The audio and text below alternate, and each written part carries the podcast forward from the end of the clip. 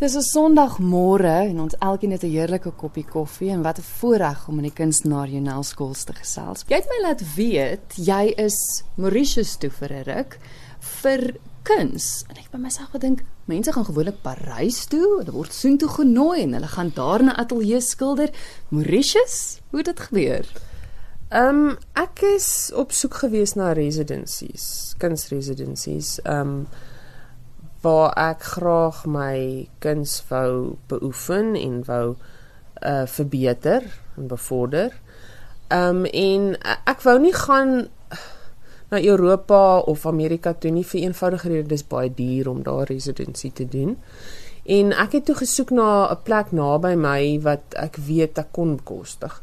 En um toe het ek um aansoek gedoen by Mauritius. Ek het gaan soek op die internet en en die Tamarin Art Center in Black River het 'n residency aangebied. En dis die enigste een in Mauritius en ek het Mauritius ook geken want ek was al 'n paar keer daar gewees. En ehm um, toe het ek daar aansoek gedoen en hulle het my submission aanvaar. En ehm um, ja, ek is uitgenooi om soontoe te gaan. Hoe werk 'n residency? Wat wat behels dit?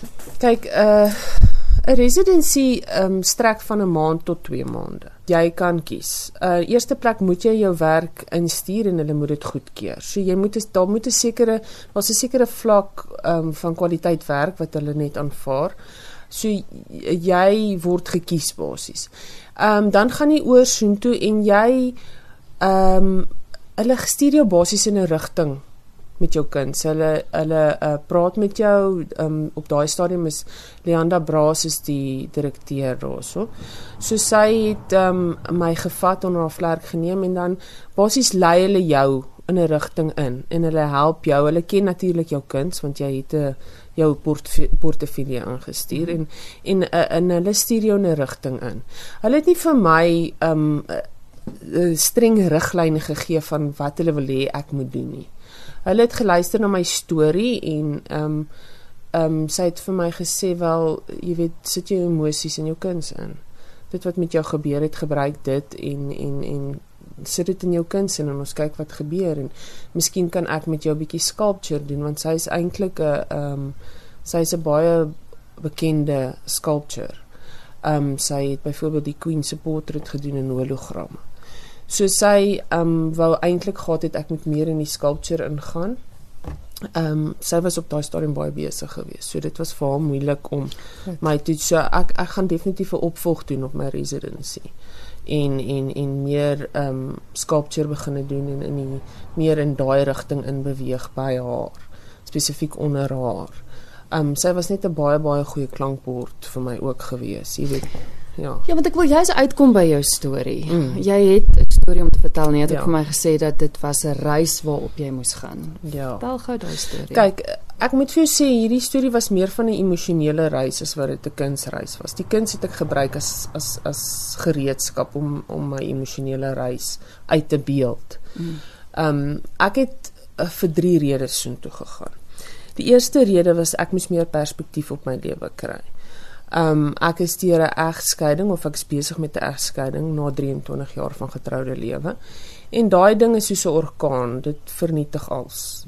So ek het al spasies verloor. Ehm um, die tweede ding wat ek moes doen is ek moes meer perspektief kry op my kinders.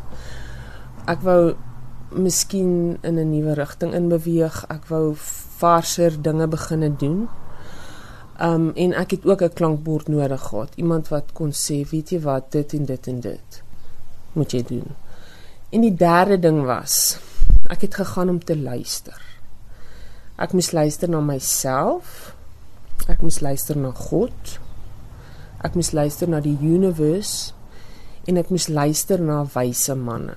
En ek weet dit klink nou snaaks, maar ek het geweet ek gaan mense daar ontmoet wat miskien my soeke gaan bevredig en vir my gaan sê wat ek wil hoor of wat ek dalk nie wil hoor nie. Hmm. En dit het gebeur. Ek het 'n klomp mense daar ontmoet wat vir my baie gehelp het.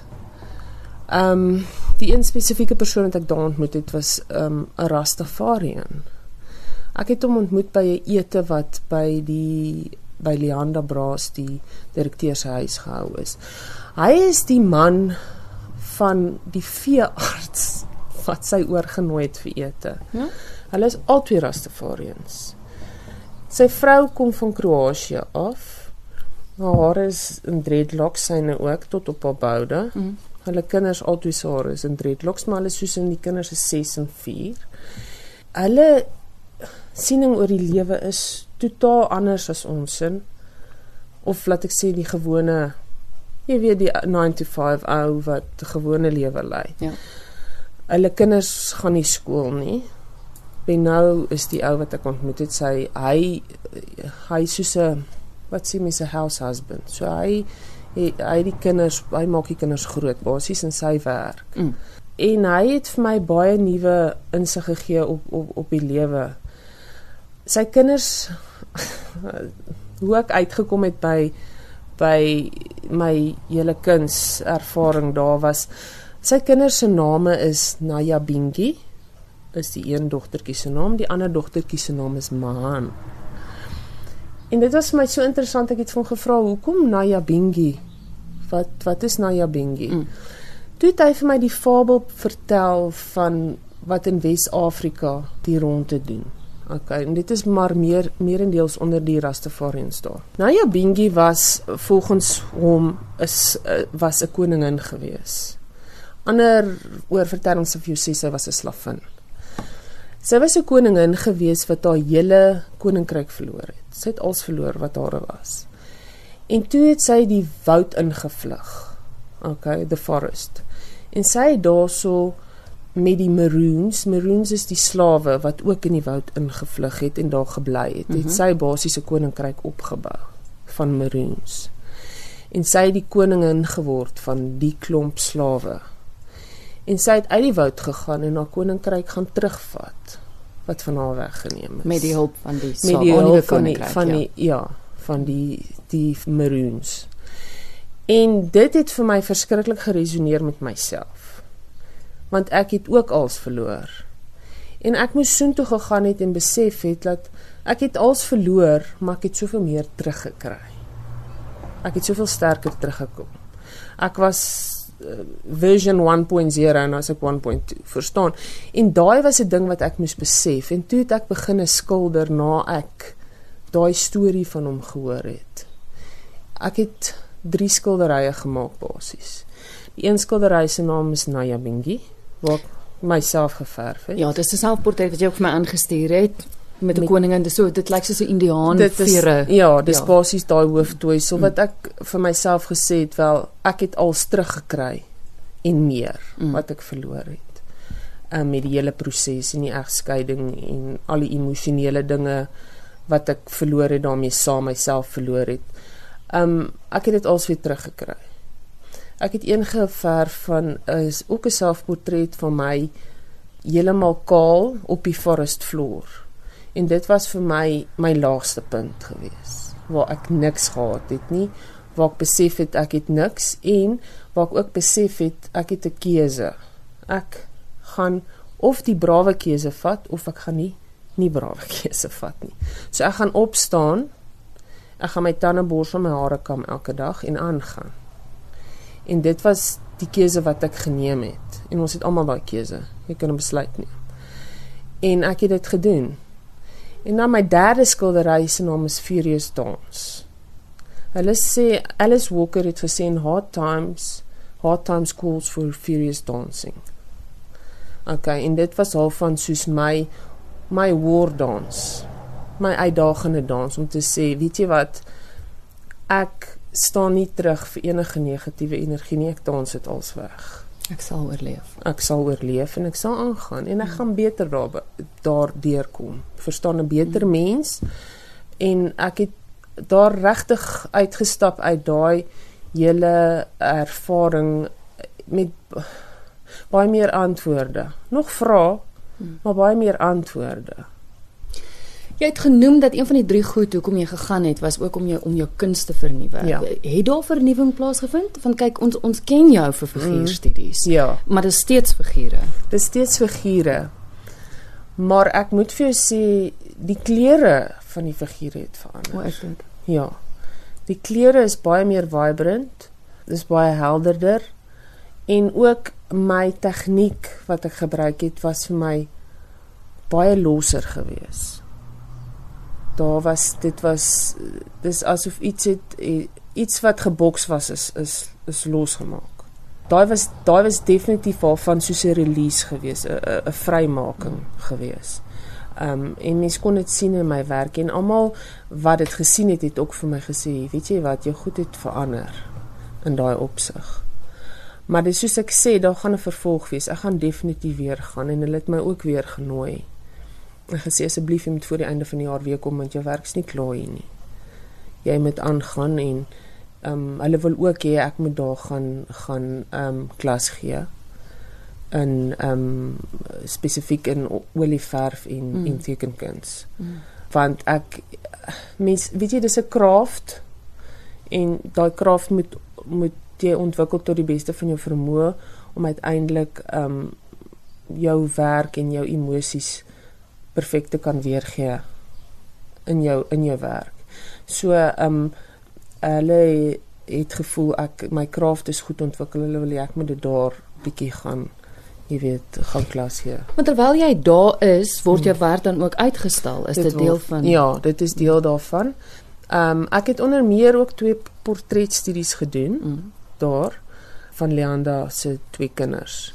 Ek het verskriklike goeie verhoudings met hulle opgebou. Hulle was vir my hulle was vir my anders.